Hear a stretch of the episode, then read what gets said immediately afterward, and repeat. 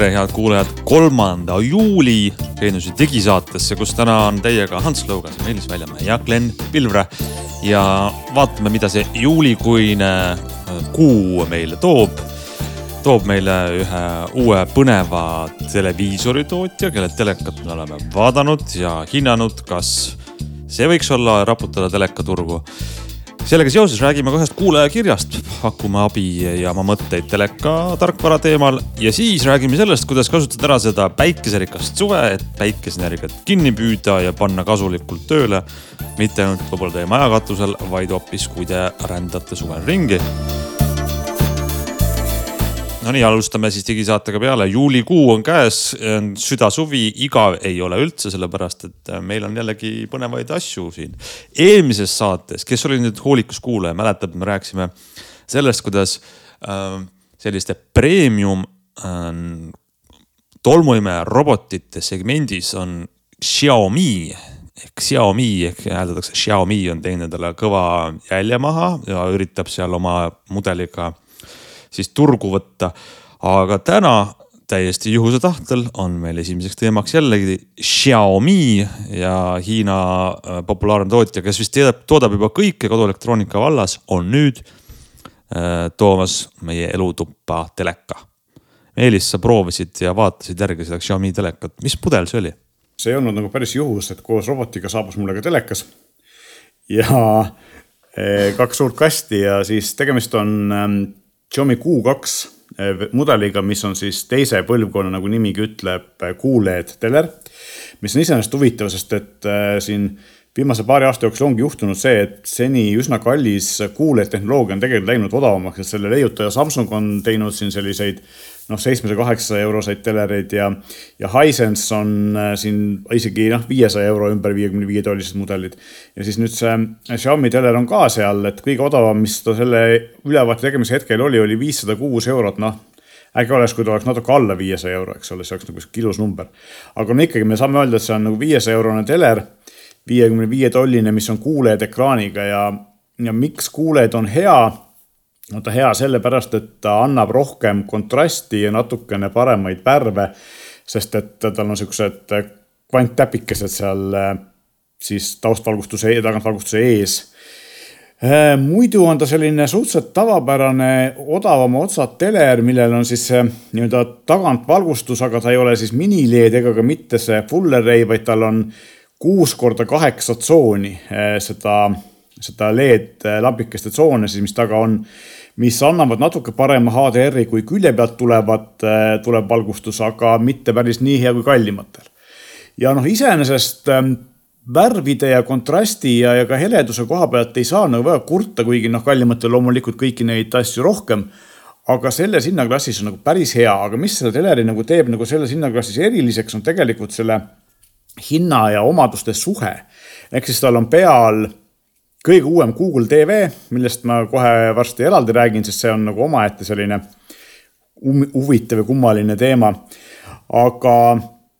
Google TV annab siis meile tegelikult seda, et, et ta on, kuna ta on kõige populaarsem äh, telerite tarkvara, mida ka Philips ja Sony ja väiksemad tegijad kasutavad, siis äh, sinna saab installida absoluutselt kõik Eesti äh, ja ka muidugi teiste suuremate teenusepakkujate äpid, et see on olemas Telia tv ja Elisa elamus ja isegi STV ja Telseti äpid loomulikult, Jupiter ja, ja muud. aga ma, ma korra katkestan sind, et Nii. Äh, enne kui veel tarkvarast äh, lähemalt räägime, meenuta korra ja. veel meile kõigile kuulajatele selle QLED-i ja, ja Oledi vahet, et QLED ju ikkagi ju ei küündi sinna, kuhu Oled oma täismusta kontrasti annab. no mitte ainult mitte ainult seda, tegelikult ka seda, et, ähm, et ka QLED-il ja QLED-il on vahe ja, ja QLED-il on veel lisaks see, et tegelikult on ju nii Samsungil, ütleme just Samsungil ongi praegu ka lisaks siis see nano QLED, nano QLED, on ikka nano QLED. ühesõnaga ähm, ma praegu ei ole kindel, kas nimetus on õige, igal juhul sellised telerid, kus on siis nii mini-LED taustvalgustus, kus neid on tuhandeid, on neid pisikesi LED-lampikesi taga, mis annavad eriti kontrasti ja, ja mille ees on siis see QLED paneel mis annab selle kontrasti ja eriti musta värvi, mis läheb juba lähedale Oledile, ta ei ole veel nii hea kui Oled, aga samas annab Oledis kõvasti parema ereduse. aga noh, sellised telerid maksavad ikkagi tugevalt üle tuhande euro, eks ole, pigem sinna pooleteist tuhande kanti. Ja, ja siin on ka see, et ega siis need Hiina tootjate kuuleidid, ka see Samsungi oma, nad ei ole päris sellel tasemel just kontrasti poolest, kui on Samsungi odavama otsa kuuleidid, aga nad on odavamad. et nad on sama head või natuke paremad kui, kui Samsungi või LG sellised eh, lihtsad telerid aga just selle teleri eeliseks on see, et ta annab siis selle raha eest eh, selle noh hea, suhteliselt hea tarkvara. ja teine asi on see, et kui me vaatame teisi Android TV-ga või Google TV-ga telereid siin, mida teevad sellised äh, noh ütleme, Türgi või Hiina tootjad, kes on ostnud kokku hunniku brände, eks ole, me siin leiame mõnest äh, supermarketi ketist näiteks Eestis müüdavalt Nokia telereid ja siis äh, osad pakuvad GVC telereid. Need kõik on tegelikult siin Vesteli või kelle türklased tehtud ja, ja neil on see häda, et kuigi neil on Android TV peal või Google TV siis uuematel mudelitel, siis tegelikult see mm, Android on, nagu me oleme varem ka rääkinud, ka muude asjade puhul on tegelikult suhteliselt raske operatsioonisüsteem ja see, ta vajab enda vedamiseks üsna korralikku riistvara ja nendel odavatel teleritel kipuvad protsessorid olema lahjad ja siis tuleb välja, et see kogu see asi on päris aeglane, eks ole, ja sihuke kehv. aga sellel Xiaomi'l on ta nagu päris kiire, et no mõnel üksikul juhul ma nägin mingisugust äh, lag'i, aga seda juhtub ka nagu teiste tootjate puhul, eks ole, mitte ainult Androidiga telerite puhul. ja üldiselt ta on piisavalt kiire. Äh, põhiasi, mis mulle ei meeldinud selle teleri puhul oli siis see, aga see on võib-olla ka nagu see hinnaklassi paratamatus, et et ähm, tal on küll peas äh, liikumise kompenseerimine ehk siis see, et ta peaks tegema liikumise sujuvamaks. ma tean, et paljud ütlevad, lülitage see kohe välja, sest et see tekitab seebioopery efekti, eks ole. ja selle üle käib igal pool interneti avastus, avarustes väga suur võitlus, kummal on õigus või kellel on õigus. aga noh, mind nagu natuke ikkagi häiris see, et kuigi selle sai sealt menüüst sisse lülitada, siis näiteks CNN-i või mõne teise kanali peal, kus on selline horisontaalselt jooksev tekst, eks ole see kippus ikkagi hüppama ja minul selline asi kipub tekitama peavalu, kui ma pikalt seda vaatan, et see mulle ei meeldi, mulle meeldib, kui tekst on sujuv. vaatasin oma veidi kallima Samsungi teleriga, võrdlesin ja sellel ikkagi oli see asi palju sujuvam. aga samas ma ütlen, et ta ei ole nii hull, kui on mõnel teisel sellisel alla viiesaja eurose teleril, ta natukene see kompensatsioon ikkagi töötab, aga mitte nii hästi kui kallimatel. et see on nagu ainus asi, mis minul tekitas sellise reservatsiooni, et noh, et mille pärast võib-olla võiks osta kallima mudeli aga muidu on äh, iseenesest nagu igati asjalik tele, loomulikult ka see, et, et tal ei ole äh, sada kahtekümmet hertsi, eks ole, ta on kuuekümne hertsi paneeliga, sest et hinnaklass on selline. et see on teine asi, aga, aga noh, võib-olla tavaliselt teleri vaatamiseks selles hinnaklassis sul ilmselt ei ole ka tarvis äh, sada kahtekümmet hertsi. ja kolmandaks on siis see, et kuigi tal on Dolby Vision ja, ja ka Dolby Atmos, siis noh, kõlarid on äh, noh, kõigil telerritel suhteliselt kehvad, nagu me siin eelmine saade rääkisime, et soundbar tuleks ikkagi juurde osta, aga sellel on see eriti, sest see heli on tõesti nagu tagasihoidlik. pult on muideks väga mugav, nii et äh, puldi asetus, nuppude asetus on tehtud paremaks kui paljudel teistel konkurentidel ja see töötab väga hästi. no võib-olla ma ütleks korraks ja igaks juhuks vahele selle lihtsalt sedasama üldise teleka jutu taustal, millest natuke oli ikkagi juttu, et kõik teised LED-id, mille ees O tähte ei ole, tegelikult on siis LCD ehk vedelkristallpaneelid, kes seda juhtumisi ikkagi ei tea. et see on selline turundajate trikitamine olnud juba aastaid, et igasugused muud LED-id, U-LED-id ja Q-LED-id ja mini-LED-id ja ükskõik mis muud LED-id ei ole O-LED-id, et ainus, ainus telekas, mis on siis nii-öelda nende orgaaniliste LED-idega ehk siis selliste, selliste täpikestega ekraan, kus täpikesed ise helendavad, kus ei ole mingit taustavalgust. see on siis Oled, nii et kui, kui tahate seda kõige-kõige värvilisemat ja, ja ütleme siis sellist selles mõttes nagu ilusamat pilti, et ta on ta on hästi hea kontrastiga ja vaatenurgast suhteliselt sõltumatu, siis on ta ikkagi Oled. et kõik muud tehnoloogiad tegelikult kasutavad seda vana hea vedelkristallpaneeli, aga siis turgutavad seda erinevate meetoditega, mis siis on mõned paremad ja mõned mitte nii head, et ainult sellest nimetusest lihtsalt ei tasu siis kohe teha järeldusi, et, et LED on, on, on jube äge, et seda tuleb väga tähelepanelikult tegelikult vaadata, mis seal LED-i ees parajasti on just ja eriti, kui me vaatame seda, et see on tegelikult Samsungil meelega tehtud turundustrikk, nagu sa just ka ütlesid, et O ja Q on väga sarnased tähed ja neid on kaugelt vaadates väga keeruline, lihtne segamini ajada. on, on ähm, ja, ja noh, igal, igal tootjal tegelikult äh, on natuke, kasutab ka eritehnoloogia, terminoloogiat, et Samsung on vist Q-LED-i peal, keegi oli U-LED-i peal, mis on see mingi. Eh, Hisense on U-LED, aga neil on samamoodi, et osad need U-LED-id on ühtlasi ka Q-LED-id ehk siis. ja, ja, ja., ja neid oli seal, just oli neid veel mingeid isegi neid ja. selliseid tootjapõhiseid markeeringuid, sest igaüks proovib seal nagu oma, oma sellist väikest vimkat nii-öelda sinna sisse, sisse poetada, et, et minileed on siis jah, see, see tegelikult, mida ka paljud kasutavad, et minileedi puhul peaks olema siis neid täpikesi seal taga hästi palju jah, et see taustvalgustuse nagu kontrasti kontrasti tekitamise pool on, on suurem, et noh, lihtsalt häda, ütleme veel kiirelt ära selle korrates jälle, et häda lihtsalt vedelkristallpaneeli ja taustavalgustus ongi see, et, et kuna vedelkristallpaneel ju teadupärast ise ei kiirga valgust ja siis, kui seal taga justkui ei ole ühtki asja, mis kiirgaks, siis me ei näekski midagi. aga, aga paha lugu on see, et kui see tagumine asi seal juba põleb, siis ta kumab natukene läbi ja, ja sestap see vedelkristallpaneeli kontrast paratamatult on natukene kehvem ja siis tuleb seal selle taustvalgusega kuidagi trikitada, et, et kustutada neid tsoone ära või, või teha midagi, et see kontrast oleks parem, aga, aga samas on tõesti need vedelkristallpaneelid nagu üldistades võivad olla heledamad, et nad on, nad on võib-olla valgemas ruumis mõnes mõttes isegi parem vaadata, aga noh, enamik tõenäoliselt meil ikkagi telekat kuskil lauspäikese käes noh ei vaata. no aga ma suunan nüüd jutu sinna, et lihtsalt isiklik minu ostuprotsess on olnud selline, et ma vaatan kõigepealt selle ekraani ära. no nagu Meelis mainis, kas mul on vaja sada kakskümmend hertsi mängimiseks või kuuskümmend, siis ekraani tehnoloogia, mis tegelikult on hinna küsimus on ju, kas ma saan Oledi lubada või ei saa. ja siis minu jaoks kolmas asi on see, et äh, see tele, äh, vabandust, teleka tarkvara. nii et Meelis, millised on Google TV äh, nagu muljed? ja enne kui ma sinna jõuan, et ma mõtlesin, ma küsin Glenni käest, kuidas tema kui kõvasti rohkem telerit testinud kui mina, kuidas Glen suhtub sellesse, kui horisontaalne pilt jõnksutab või selles mõttes on selline, ma tean, et paljudele see meeldib, et see on filmiefekt, eks ole, aga samas mind nagu see just see teksti puhul see häirib, muul juhul mitte. ei no ega siin ausalt öeldes ongi, suhtumisi on täpselt sama palju kui inimesi, eks ole, sest ega tegelikult kõik need tänased eh, telekad ju noh pilti töödeldakse nii ehk naa ehk et see sellest, sellest vanast, vanast heast maailmast, kus äh, kuskil tolmuses toas pandi filmirull käima ja see oli kakskümmend neli kaadrit sekundis ja, ja, ja täpselt niimoodi see ka sinna kinoekraanile tuli. noh, seda enam ei ole ammu, eks ole, et telekad tegelikult kõik eh, täna on, eh, on siis saja hertsised või tõesti lausa saja kahekümne või kuuekümne või viiekümne. et noh, meie regiooni pilt enamasti on ikkagi kõik võetud üles vähemalt teletoodangu mõttes ikkagi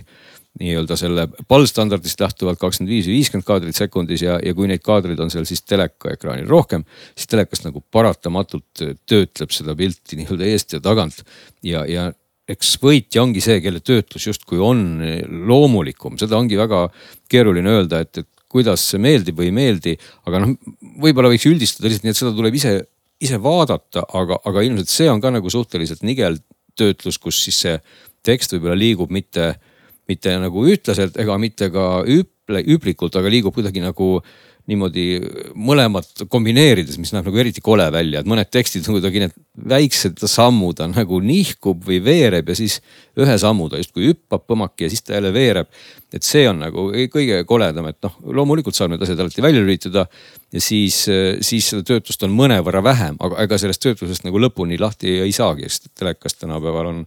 üks suur arvuti ja, ja paratamatult see pilt on ju kõik digitaalne, mis seal käib. aga, aga noh, tuleb öelda jah, et seda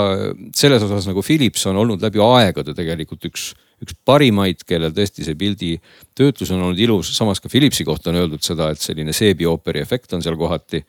kes, kes tahab just sellist filmilikku feeling ut saada. Nii et ega, ega siin nagu näppu kuskile peale panna otseselt ja öelda nüüd, et üks on jube hea ja teine ei ole niimoodi ilma vaatamata ei ole, nii et kui võimalik on, tasub tegelikult korraks just selliseid panoraamkaadreid, kus kaamera liigub ühtlaselt või tekstid liiguvad, tasub, tasub vaadata. jah mina tahtsingi tegelikult selleni jõudnud, kui Hans ütles ennem, et kuidas tema tellerit ostaks, siis mina, kui, kes ma olen seal tellerite müügi poole peal olnud ka kunagi aastaid, siis äh, mina ilmselt ostaks omale ikkagi tellerit niimoodi, mida ilmselt enamus inimesi kunagi ei tee, aga ma võtaks mingid äh, videod pulga peal kaasa, läheks poodi, pistaks selle pulga sinna teleka külge, küsiks müüja käest pulti ja näpiks neid seadeid ja vaataks nagu, mida ta siis tegelikult teeb, eks ole. noh, ma ilmselt olen erand, et enamus inimesi niimoodi kunagi ei tee, aga, aga mina, mina ilmselt nii lähtuks sellesse asjasse. aga kui me räägime nüüd tarkvarast, siis see on nagu omaette keeruline küsimus ja, ja võib-olla ma alustaks sellest, et ma lähen natuke tagasi eelmisse saatesse, kus me rääkisime VR-ossiga kelladest. ja sellest, kuidas Google, eks ole, on jätnud oma väiksemad partnerid nagu niimoodi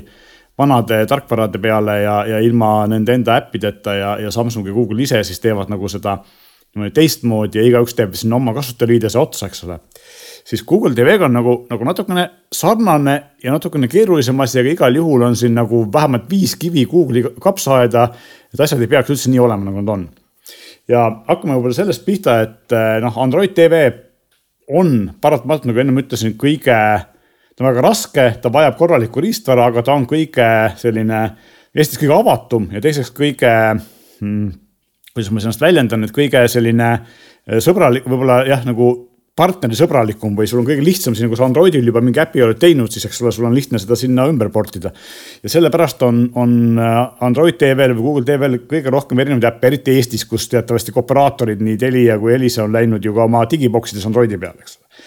ja, ja sellepärast saab sinna kõiki asju installida, lisaks on see, et kui sa oled siis selline tehnikateadlikum inimene, tahad võib-olla installida sinna asju, mida sinna päriselt pole ette nähtud või näiteks valetada ennast Ameerikas elavaks ja vaadata USA Netflixi siis VPN-i, kes ka saad sinna VPN-i panna, mida sa paljude teiste teleri tarkvaradega ei saa, eks ole, teha. et need on nagu sellised positiivsed küljed. aga nüüd, mis puudutab seda välimust ja seda, siis tegelikult on niimoodi, et Android tv on pikalt olnud äh, suhteliselt kole ehk siis ta, ta on jäänud nagu ajale jalgu ja ja Amazon ja Samsung, LG, kõik on läinud nagu oma sellise äh, menüü disaini ja selle poolest, kuidas nagu kasutajasse suhtuvad nagu järgi tulnud ja mööda läinud, et äpid on nagu paremini leitavad ja, ja see soovitused, eks sa saad seal need oma filmid ja asjad, mida sa oled nagu vaadanud äh, niimoodi kuskil kokku koguda või ta kogub sul neid automaatselt kokku ja ta pakub sulle asju, mida sind võivad huvitada, kõik see asi nagu näeb ilus välja. siis Android tv ei ole seda teinud ja sa said nagu panna sinna enda äppide äh, pood soovitatava nimekirja äpi kaupa ja oli ka kõik, eks ole, et ma tean, et sul, Hans, on olemas see Xiaomi pulk, eks ole, seal on täpselt sama asi peal. ja nüüd siis paar aastat tagasi tuli Google välja uue versiooniga, mille nimi oli Google TV mis peaks kõike seda parandama ja ta teatud tingimustel parandab ka. aga siin on nagu mitu aga. esimene aga on see, et, et Google TV-d jagab Google samamoodi valitud partneritele valitud ajal, mitte kõik mudelid ei saa seda ja, ja ka see ja ka mitte kõik regioonid ei saa seda ja nüüd Sony oli esimene partner, Philips tuli järgi ja siis USA-s mõned teised tootjad, eks ole ka. aga meil on siis niimoodi, et nüüd praeguseks hetkeks on Google lõpetanud Android TV-ga seadmete äh, litsenseerimise litsenseerib ainult Google TV-d, aga siin on mitu aga, esimene aga on see, et et seda tehakse ikkagi regiooni kaupa, et kuigi sellel Xiaomi teleril on peal see Google TV ja ta näeb, fondid ja, ja menüüd näevad ilusamad välja aga see on selline, ma ütleks, et huulepulk sea peal, ehk siis teda on tehtud nagu natukene ilusamaks, aga teda ei ole nagu tehtud sisu poolest ilusamaks. ja nüüd on see, mis minu jaoks nagu kõige kummalisem Google'i poolne lähenemine on see, et seal ei ole niimoodi, et kui sul on Google TV, siis sul on nagu üks menüü ja kui sul on Android TV, siis on teine vanem menüü, lihtne, eks ole, ei ole. tegelikult on niimoodi, et, et enamus menüü elemente aktiveeritakse Google'i poolt serveri kaudu ja vastavalt regioonile, mis tähendab seda, et ka sellesama Xiaomi teleril, kui ma panen ta Eestis tööle, siis ta on näeb välja nagu Android TV, ainult veel kehvem, natuke ilusamate fontide ja selliste menüükastikestega, eks ole. ja nii kui ma panen tööle VPN-i ja ütlen, et ma olen nüüd Inglismaal, siis klõps see pilt muutub hoopis teiseks, hoopis ilusamaks, hoopis sisukamaks, ma saan seal teha palju rohkem asju just selle, selle sisuga, eks ma saan. ma ei tea, Netflixist ja Prime videost oma mingid lemmikasjad sinna esiekraanile ette koguda, et näitab mulle soovitusi ja asju, mida ta Eestis ei tee kuigi see on täpselt sama operatsioonisüsteem, piisab sellest, ma lihtsalt VPN-i sisse-välja lülitan ja see ei ole normaalne käitumine. nagu päriselt. see, see kõlab väga ebanormaalsena ja suurim punane lipp, miks mitte osta seda Google TV-d, aga kas sa tead, mis on, mis selle põhjus võib olla, sest need ei saa olla ju litsenseerimisküsimused, sest Netflix on samasugune. just, needsamad asjad töötavad Eestis ka, aga noh, see on Google'i poliitika, sest et Google on kogu aeg olnud riikide regioonide koha pealt imelik, et näiteks no siiamaani on neil see, et, et kohtades, kus töötab Google Wallet või Google Pay, kus sa saad telefoniga maksta. siis pooltes nendest riikidest sa saad maksta telefoniga, aga mitte kellaga, osades sa saad maksta mõlemaga. sama Google Pay, miks see nii on? arusaamatu. või näiteks see, et Google'i Pixeli telefonid on siiamaani müügil vist kümnes või kahekümnes riigis, mitte nagu kõigis ja kui Google Play tuli välja Androidile, siis see oli ka niimoodi, osades riikides oli, osades riikides ei olnud, osades said sa osta, aga mitte teha äppe, eks ole. Apple'il on niimoodi, et kui ta tuleb mingi asjaga välja, siis on kakssada riiki korraga kõik kaetud, eks ole, et selline võiks olla Google'i poliitika ja ma ei saa, ei saa uskuda, et Google'il ei ole piisavalt ressurssi või raha selle jaoks ma ei saa aru, miks nad seda teevad. küsin vahele, kas, kas see on nüüd midagi, mis siis on puhtalt ainult Google'iga seotud või on see ikkagi selle Xiaomi'ga, Xiaomi'ga no. ka seotud, et kas, kas see, kas saab, kas saab sellest jutust lausa üldistada, et kui juba noh, Google'it ju kasutavad opsüsteemina ka Philips ja Sony teadupärast ja kas, kas see puudutab neid ka? Äh, mingil määral, aga mitte niimoodi, et selles mõttes, et see VPN-i ja regiooni probleem kehtib üldiselt kõigile. aga siin on ka sama asi, mis on Android Weariga või Veerosiga kellade puhul, et, et esiteks Google hakkas seda uuemat Google TV-d andma valitud partneritele, Sony oli esimene seal mõned suur, keda Eestis ei müüda, teised, eks ole. ja siis DCL vist oli järgmine ja, ja siis tuli Philips järgi, eks ole, siin meie regioonis ja Xiaomi ja sellised väiksemad tootjad on, on tegelikult nagu suhteliselt viimased. aga et ühesõnaga ta ka niimoodi jah, et ta partnerite kaupa nagu jagas seda siin viimase kahe aasta jooksul, nüüd nad on jõudnud lõpuks sinnamaani, et okei okay,, et nüüd on kõigil olemas. ja tegelikult ka see uuendamine, tegelikult võiks ju uuendada selle Android TV, Google TV peale ära kõikidel vanematel seadmetel. aga isegi kui tootja tahab seda teha, siis ta ei saa, sest ka seal on see, et Google peab seda lubama, eks ole, et samamoodi nagu meil Hansoga on need Xiaomi pulgad, mis tegelikult on võimelised seda uuemat Android TV-d jooksutama ja ja noh, nad ei tee seda, sest Google pole lihtsalt seda lubanud, eks ole, pole neile seda heakskiitu andnud. ja täpselt samamoodi on näiteks sinna saab, selle Xiaomi pulgale saab selle Google TV jõuga peale suruda, kui sa oskad ja tahad. aga ka seal on need probleemid veel suuremad, nii-öelda see, mida ta siis näitab, seal ta näitab üldse nagu sinu äppe ja musta lehte ja ta rohkem ei tee mitte midagi, sest et lihtsalt äh, serveri poolt on asi kinni keeratud lõpetaks selle teema ühe küsimuse ja ühe faktivea parandusega. faktiviga on see, et Hansul ei ole Xiaomi pulka ma ei mäleta, kust see info levis no., aga mul ei ole seda mulle meenus. aga küsimus on see, kogu see meie eelnev jutt võib muutuda hoopis teistsuguseks kontekstiks kui sa nüüd ütled, palju see telekas maksab ikkagi täpselt? no viimane hind, eh, mis oli sel hetkel, kui ma seda ülevaadet kirjutasin, kõige soodsam oli viissada kuus eurot, soovituslik müügihind tootja poolt on viissada nelikümmend üheksa. et ta on sihuke keskpärane, aga samas on see, et, et ta on, ta on pildi poolest parem kui siuksed neljasaja eurosed telerid ja loomulikult on see, et neljasaja eurosed teleritel kas ei ole Google TV-d peal, eks sa ei saa sinna lihtsalt oma Telia tv äppi installida või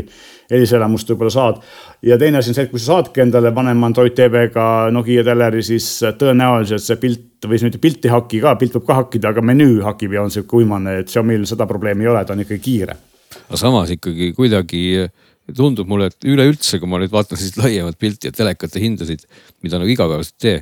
telekad olid jube odavad ju tegelikult, et kui, kui ma mõtlen, ma tegin mingit soundbar'ide võrdlust ja, ja hinnaklass oli viiesajast tuhande euroni ja, ja mulle tundub, et üleüldse alla viiesaja ei saa mingit väga head soundbar'i või siis, siis noh, olid ajad, meenutades tagasi siis nostalgiaõngulist, kus telekatest tuli maksta nii palju, et, et kes kogus ja ma ei tea, kes võttis liisinguid, et, et, et täna nagu tundub nii, mis, mis mõttes, et, et telekas maksab justkui juba lõpuks kõige vähem, et igasugused kodukino võimud ja kõlarid ja külmkapid ja, ja pirukad lõpuks maksavad juba rohkem kui televiisor no,, see on päris huvitav. võin võin tuua sellise näite, et me peame võrdlema võib-olla ka inimeste ootused tegelikult tehnika hindadele ajas muutuvad, ehk siis kui palju me tahame, oleme nõus maksma mingi asja eest, äh, muutub väga-väga noh, praegu on see, et me tundub, et me oleme nõus maksma telefonidest väga palju millegipärast, kuigi võib-olla ei peaks, aga. aga tegelikult on see, et me võiksime võrrelda seda keskmist palka ja teleri hinda, eks ole, et noh, praegu me saame keskmise palga eest osta enam-vähem kolm sellist Xiaomi telerit või ühe Oledi suure, eks ole. aga kaks tuhat kolm, kui mu mälu mind ei peta, eh, oli müügil Eestis nii mõneski poes eh, Philipsi kõige kangem Matchline lame kineskoobiga kolmekümne kuue tolline teler, mis oli tol hetkel kõige suurem teler, mis olemas oli. maksis ta viiskümmend üheksa või viiskümmend kuus tuhat krooni ja keskmine palk oli sel hetkel kaks pool tuhat krooni nii et ja osteti, ehk siis, eh, et see, et sa maksis, telekas maksis sama palju kui maja, eks ole, polnud vist nagu tol hetkel ebatavaline, praegu keegi kujutaks sellist asja ette. lõpetame teleka teema lugeja kirjaga Janekilt ja Janekil oli selline olukord, ta ostis viis aastat tagasi Philipsi TV sellepärast, et seda Smart TV-d jooksutab Android. väga mõistlik otsus, ütlen vahele, sest mina tegin kunagi sama otsuse, eelmine telekas ka Androidiga Philips. nüüd Janek kirjutab ta tegi telekale tehase seadete taastamise ja miskipärast enam Google'i kontoga sisse logida ei saa tegi Philipsile päringu, milles probleem, vastus oli, et äh, probleem on teada ja Google'i arvates on see ebaturvaline ja nii edasi ja nii edasi. ainuke alternatiiv on Chromecast. ja nüüd on siis tulemus see, et Androidiga tv on kasutu. Äh, kuna sinna ei saa äppe installida, no meie saame omalt poolt, täpselt seda telekamudelit ei tea ja versiooni, aga saame võib-olla hoiatuseks siis teistele kuulajatele ka, et väga-väga suure tõenäosusega on lugu see telekas oli peal väga vana Androidi versioon. pärast siis tehaseseade taastamist, võib-olla sinna läks isegi mingi Android viis peale. mille tulemusel Google ei lase enam selle Androidiga siis kontosse sisse logida ja ainukene viis seda telekale kuidagi nii-öelda elu sisse saada ehk siis Google'i konto tööle saada, on sinna kõrvalt laadida peale uued Android TV Google Play Services äpp, mis siis peaks uuendama seda komponenti, mis lubab sisse logida Google'isse aga ega see ka ei tähenda, et see vana Android viiega või, või tolleaegne telekas järsku saab moodsaks. ja, ja nõuab ilmselt sinna käsurea kaudu sisseminekut, et selle telekale ligi pääseda ja, ja kõvasti eh, jamamist. ehk siis kaks moraali Androidiga telekale teha seda taastamine ilmselt viib ta sellisesse vanasse olekusse, kus Androidiga võib hüvasti jätta. ja teine variant on see, et ähm, Chromecast või mis te ütlete? jah, mina ütlen seda, et äh, ma olen seda kogu aeg rääkinud, et kui te ostate endale nutitelleri ja te leiate, et see teller teeb seda, mida te tahate, siis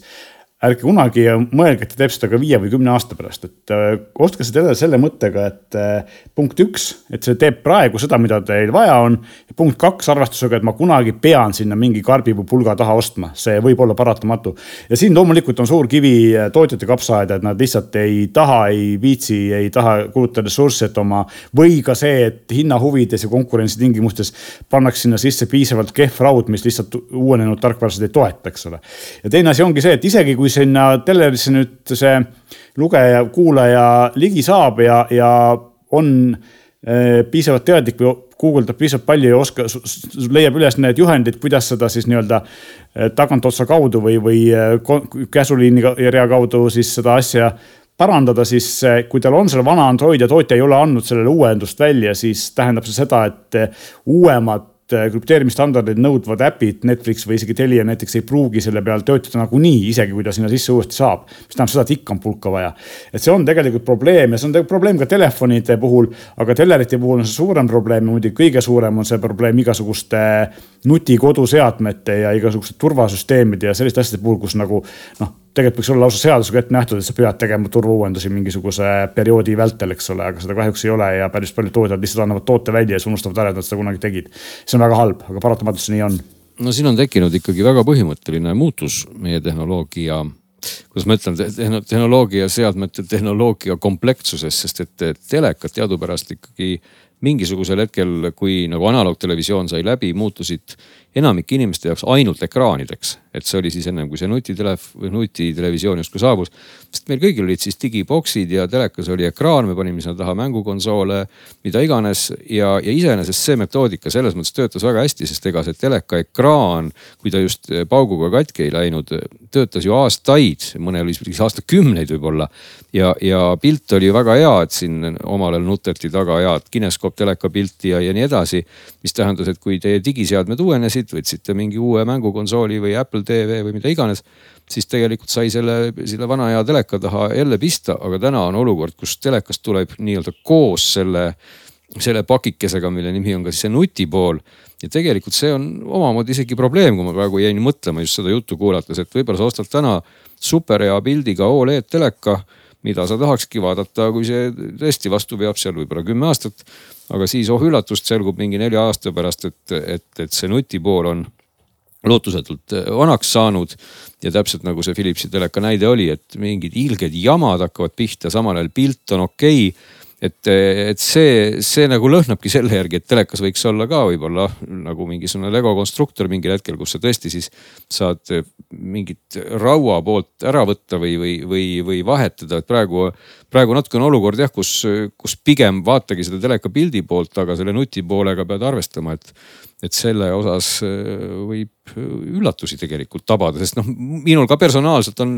on üks vanem Philipsi telekas ja tõsi, ma isegi ei mäleta, millal ma viimati, mul on küll Android peal aga ma vist ei olegi kasutanud mitte kunagi selle teleka enda, enda nutiomadusi, sest seal on taga mingid konsoolid natukene ja, ja endiselt vana hea digiboks võib siis nii-öelda, mida aeg-ajalt Elisa on andnud jälle uue ja see läheb läbi HDMI-ga sinna teleka taha ja kõik on tegelikult väga hästi. Nii et, et sellisel juhul noh, ma ei näegi põhjust, miks ma peaks telekat vahetama, ennem kui ta siis nagu päriselt mul katki ei lähe, on ju, aga, aga nuti poole koha pealt ma võiks selle teleka vist ammu tõsta sinna äh, taaskasutuse seina äärde tegelikult, eks ole kaks asja, mida ma tahtsin siia kommenteerida, üks on see, et kui Glen ütles, et võiks olla kuidagi niimoodi, see sidusus saaks vahetada või Samsung üritas seda teha. ja, ja see lõppes fiaskoga, sest mitte keegi ei tahtnud sellest juurde maksta. aga teine küsimus on see, et minul on samamoodi oli enne üks äh, vanem Samsungi teler, mis näitab siiamaani väga head pilti, lihtsalt väike ja vana ja sellel on sama, ta oli üks esimesi nutitelereid, millel oli siis wifi't ei olnud, aga kaabli, võrgukaabli pesa oli ja oma mingid brauserid ja asjad ja muidugi mitte ükski neist enam tänapäeval ei tööta, sest on lihtsalt on vanaks jäänud, pilt on siiamaani väga hea. ja seal oli samamoodi mul pulk taga ja, ja näitas pilti väga hästi, eks ole, pole probleemi. see teler on muideks üle viieteist aasta vana praeguseks, nii et aga, ja siiamaani näitab väga head pilti, aga lihtsalt selle nutikusega, selle algse nutikusega pole mitte midagi peale hakata. aga probleem on siin selles tegelikult, kui Glen, sul on õigus, et jah, pane sinne pulk taha või boksi ja korras. Ehm, praegusel hetkel, kus äh, me oleme jõudnud, eelmisel aastal jõudsime selle ajani, kus me tegelikult siis ka kõik Eesti operaatorid pakuvad äh, ilma kaablita teleri vaatamise võimalust äpi kaudu, eks ole. ja nüüd on see, et väga paljud inimesed, eriti uutes äh, kohtades, tahavad panna oma teleri seina peale ja sinna boksi või pulga panemine on kohati väga keeruline ja raske. ja sellepärast on hea, kui seal teleril on see wifi sees, saad sinna äpi panna ja sul polegi rohkem mitte midagi tarbida, lisaks üks pult, eks ole. aga noh, ja see ongi see, et mingi aja pärast sa võib-olla ka selle seina peal olnud teleka, siis pead ühel hetkel vaatama, et kuidas ma selle pulga sinna juurde saan. Õnneks mõned pulgad on väga pisikesed. aga jah, et see on, see on selles mõttes probleem, et muidu laua peal see ei oleks probleem, aga seina peale pandud teleril see võib olla päris keeruline. nii on kuulge, jõuame äkki see saade ühest teemast veel rääkida, sest et meil on, telekad on kütnud meid kirge. räägime nüüd ähm, päiksepaneelidest, aga mitte nendest, mis katusele saab keevitada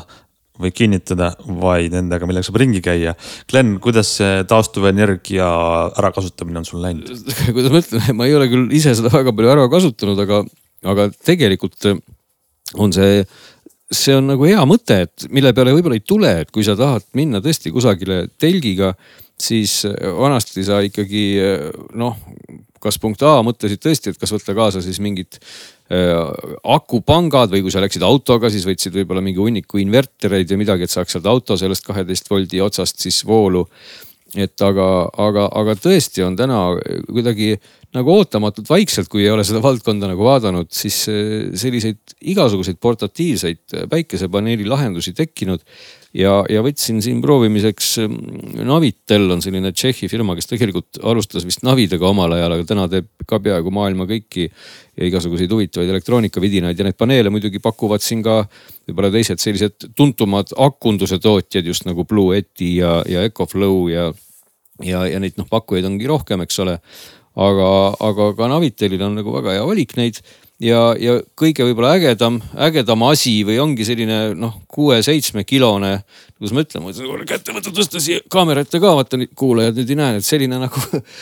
selline ka, plaadikene, paneelikene, mis on siis umbes, umbes selline pool meetrit korda pool meetrit, isegi natuke rohkem võib-olla. Ja, ja kui sa nüüd selle lahti voldid, siis ta moondub selliseks suhteliselt pikaks paarimeetriseks paneelitükiks, kus taga on siis USB väljund kohe, nii et sa võid sinna panna siis oma läpaka või arvuti või, või, või noh, läpakas ongi arvuti, mobiiltelefoni või mille iganes, kus sa tahad USB toidet. proovisin, sealt tuleb siis välja nelikümmend viis vatti, sellega ta laadis rõõmsalt minu MacBooki. ja, ja kui sa tahad sealt saada siis rohkem kätte, siis ikkagi on seal see niinimetatud see Anderson port, see on selline selline standard, mis siis on kasutusel erinevates elektroonikaseadmetel ja, ja drooninduses siis ka, et. et sellega saad tegelikult selle paneeli siis ühendada ka noh, nende suuremate akupakkide külge akupankade külge, kus siis tegelikult selle paneeli enda võimekuseks lubatakse kakssada vatti, kui ikkagi päike paistab risti ja, ja ilm on, on ilus. no see on nüüd see lahendus jah, siis mida võtadki kaasa tõesti, kui sa lähed kuskile, kus sa seda tahad siis ikkagi sellist asja tassida, et ilmselgelt sa võib-olla nüüd päris äh, niisama õue minnes seda omale kuidagi teibiga selga seda paneeli ei pane, et, et päikest saada, eks ole, et. aga, aga lahendusena vägagi toimiv just sellise, sellise matka puhul, aga muidugi neid, neid, neid väiksemaid paneele on samuti tõsi küll, Eestis saadaolev valik ei ole nii suur, et seesama Navitali valikus on ka loomulikult neid pisikeseid pakke, kus siis on noh, lihtsalt see väike paneel on selle selle külje peal, selle ütleme akupaki külje peal on siis pisikene paneel. aga, aga tuleb tunnistada, et kõik need pisikese paneeliga äh, akupakid, noh, seal jääb selle päikese osakaal ütleme umbes ühe vati piiresse on see, mis sealt see päike siis juurde surtsutab, aga teistpidi noh, ega see üks vatt ka on, on elekter, et kui sa näiteks kuskile lähed rattamatkale või kuhu iganes ja tõesti selle akupaki näiteks ikkagi paigaldad sellisesse kohta, kus ta näeb päikest kogu aeg ja, ja istub sul seal võib-olla lausa mingit eh, seitse tunnikest või midagi sellist või, või, või rohkem-vähem ja päike sinna peale paistab siis tegelikult ka see on ju võimsus, eks ole, sest et ega mobiiltelefoni akud teadupärast vatt-tundides ongi seal võib-olla ainult eh, noh, mis iganes paarkümmend vatt-tundi, eks ole. ja, ja juba seal päev läbi päikse käes turgutab seda akut nii palju, et see telefon ikkagi ei saa tühjaks. ja noh, samal ajal see akupakk laeb ka ennast siis ju akupakki, aga, aga muidugi, see, see päikse osakaal seal on marginaalne, et on sellised ägedamad pakid veel, kus saab seda lahti voltida pealt sedasama pisikest paneeli, ehk siis sa võtad sellise pisikese akupaki ja siis voldid sealt pealt selle paneeli lahti ja saad selle ühe vati asemel ikkagi mõne vati, et kui sul on seda siis kuskile ruumi, eks ole, panna. et natukene aitab selle päikeseenergia poolt, eks ole, juurde. aga, aga muidugi edasi on siin läinud ka kõvasti noh, ma ütleks kas nüüd kõvasti, aga, huvitavaid omadusi on tulnud juurde ka nendele väiksematele pakkidele, mis siis on noh, iseenesest küll ei ole siin päiksepaneeli otseselt küljes, aga, aga noh, selline päris äge junn ka nüüd sedasama Naviteli valikust jäi mulle pihku, kuna käisin just riiuli pealt, võtsin sealt siis nii-öelda kamaluga sedasama kraami. et, et nimelt selline, kuidas ma siis ütlen, kahesaja kahekümne kahe vatt-tunnine väike akupakk, muide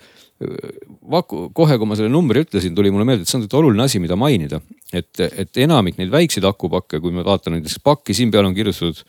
kümme tuhat, eks ole, see kümme tuhat tähendab tegelikult siis milliampertunde. selleks, et teada saada, mis võimsustega on tegu, teadupärast tuleks siis võtta ka veel appi voldid ja neid asju hakata omavahel korrutama, sest amperitest üksi ei saa ju tegelikult nagu mitte midagi teada. sestap on see nagu väga segane ka alati minu jaoks, kui ma vaatan, et näed, kümme tuhat milliampertundi, kakskümmend tuhat milliampertundi, mis iganes, võib-olla on seal suuremad pakid mingid sadu tuhandeid milliampertunde. et mida see tegelikult tähendab, sest et oluline on ka pinge, et enamik neid tänaseid liitiumiakusid, eks ole, ja noh, elemendid kõik on meil kolme koma seitsme voldised. et tegelikult tuleks siis alati korrutada see, see milliampertunni number kolme koma seitsmega, et saada teada vatt-tunnis, et vatt-tund tegelikult annab siis aimu palju sealt tegelikult tuleb võimsust, sest et noh, me võime ju kasutada erinevaid seadmeid seal taga, et, et panna sinna siis loomulikult USB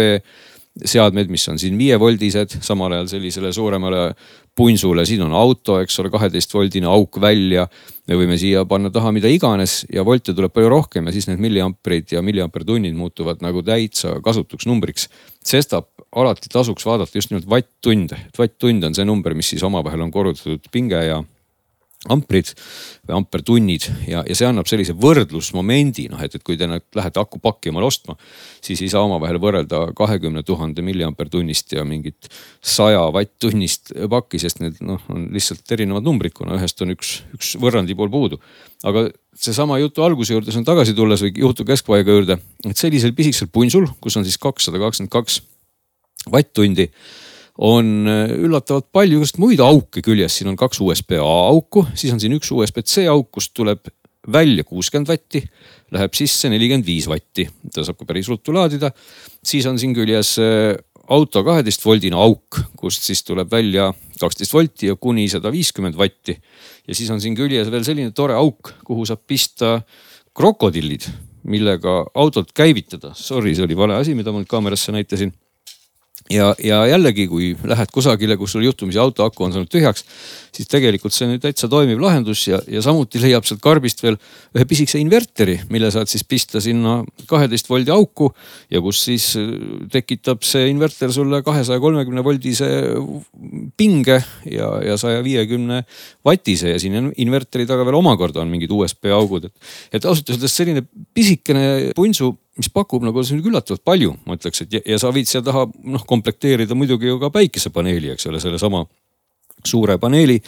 võid pista selle USB-ga järgi ja, ja ta laeb ka sedasama punsut, eks ole. loomulikult firmasid, kes pakuvad, on rohkem, eks ole, et see ongi küsimus, mis parajasti siis riiuli pealt kätte jääb, et, et noh, see Navitali toodangu kasuks ma ütleks just on see hinnasuhe, et nad, nad üritavad hinnaga lüüa, et. et tuntumatest tootjatest kahtlemata, kes vähegi aku pankades on ringi vaadanud, on kindlasti jäänud ette needsamad nimed, mida ma juba mainisin, eks ole, Ecoflow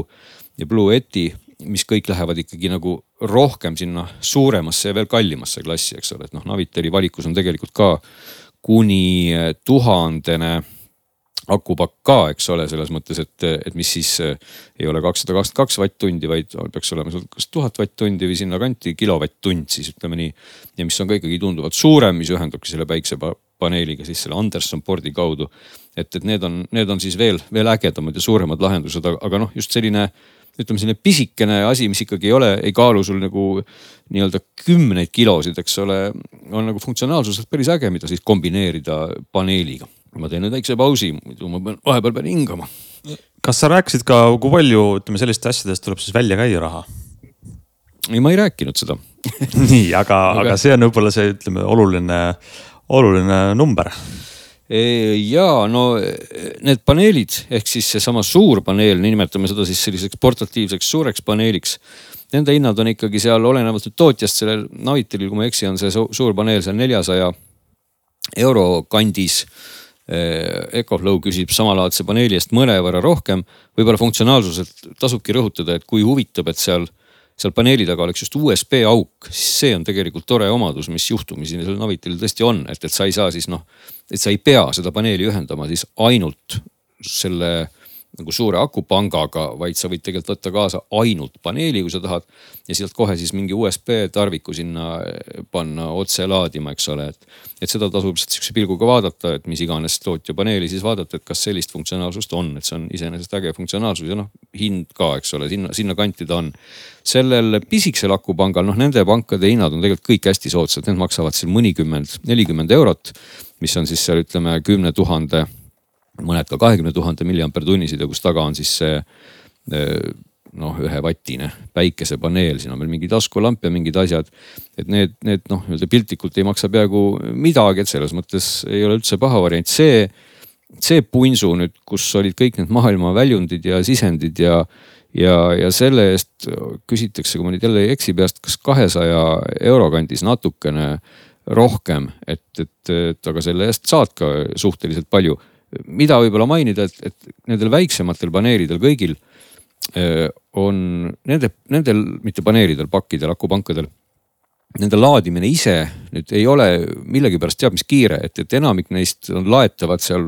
kümne kuni kahekümne vatiga võib-olla parimal juhul et olgugi, et nad mõned välja annavad nagu rohkem, et, et aga samal ajal see väike pakk ka välja muide ei anna palju rohkem, et see väike pakk, kui ma ei eksi, andiski välja vist ainult kümme vatti et, et seda tasub kindlasti vaadata, et kui noh, USB-C auk on seal küljes, siis võib ju tekkida illusioon, et sealt saab kohe mingisuguse metsiku hooga elektrit välja imeda. siis peab kindlasti vaatama, kas panee või selle akupanga tootja ikkagi lubab sisse ja välja nii palju elektrit, nagu teil parajasti vaja on või tuleb sealt suhteliselt vähe. et seesama suurem punsu, nagu ma ütlesin, siit läheb sisse nelikümmend viis vatti ja välja tuleb kuuskümmend, mis on juba täitsa okei okay., et ma just praegu pistsin selle omal siin MacBookile taha ja vaatasin huvi pärast, mida, mida MacBook ise sellest asjast arvab ja, ja näitas täpselt, et selline kogus elektrit ka siia sisse tuleb, nii et, et see, see on iseenesest oluline omadus, kui tahta seda pakki siis kiiresti ise ka laadida. mulle tundub, et see on ikkagi sellise, kuidas ma ütlen, kas motoreisija või, või autoreisija suvine varustus, et, et seda seljakotireisil kaasas kanda on võib-olla isegi liigne aga. no aga jah, see niimoodi... väike, ma ütlen sulle ja. vahele korraks, see, see kaalub üks koma neli kilo on näiteks see konkreetne, konkreetne punsu, nii et jah, ta on sihukene selline piiri peal, et, et võib-olla mm -hmm. kogu aeg sa teda kaasa ei võta, aga, aga võimalusena on ta ju ajab asja väga hästi ära oma funktsionaalsusega. nii, aga, aga ma arvan, et päris kasulik, kasulik on vähemalt kursis olla sellise kategooriaga, et. ja, ja ma tahangi öelda just, et, et see on nagu asi võib-olla, mille peale ei tule, et, et ta ei ole võib-olla maailma nagu kõige põnevam ja siin ei ole meil megapiksleid ja, ja midagi muud justkui rääkida ei ole ja ta nagu mõnes mõttes on selline selline igav, aga, aga võib-olla läheb täitsa meelest ära, et see on nagu olemas. ehk et, et kui tõesti sa mõtled, et pagan küll, mul ei lähe auto või mootorratas näiteks käima või on mingi aku saanud tühjaks või, või mis iganes muu asi, siis tegelikult need lahendused on, on olemas, et, et see ei ole iseenesest ka ju midagi uut, et need akupakid isegi taskumahutavusega, kus on küljes siis niinimetatud krokodillid ja auto käivitusvõimalus. Need on ka olnud ju olemas tegelikult juba aastaid, et mitte öelda aastakümneid aga, aga, aga just, et see, see koht täna funktsionaalsuse mõttes on hüpanud veel edasi just nende samade portide osas, eks ole. et õnneks USB-C kaudu liigub elektrit juba suures hulgal ja suurel kiirusel. et, et neid vanadel akupakkidel või pankadel ju küljes ei olnud. et samamoodi ei vaja need täna eraldi ka enam laadijat, eks ole, et vanasti oli niimoodi, et seesama eh, akupakk, mis sul siis oli auto käivituseks, sellel noh, väga suure tõenäosusega oli ikkagi eraldi toiteplokk ja kui sul see toiteplokk jäi eile maha, siis ei saanud seda normaalselt laadida. et selles mõttes aeg on, on selle koha pealt äh, edasi hüpanud, et tasub absoluutselt minna ja,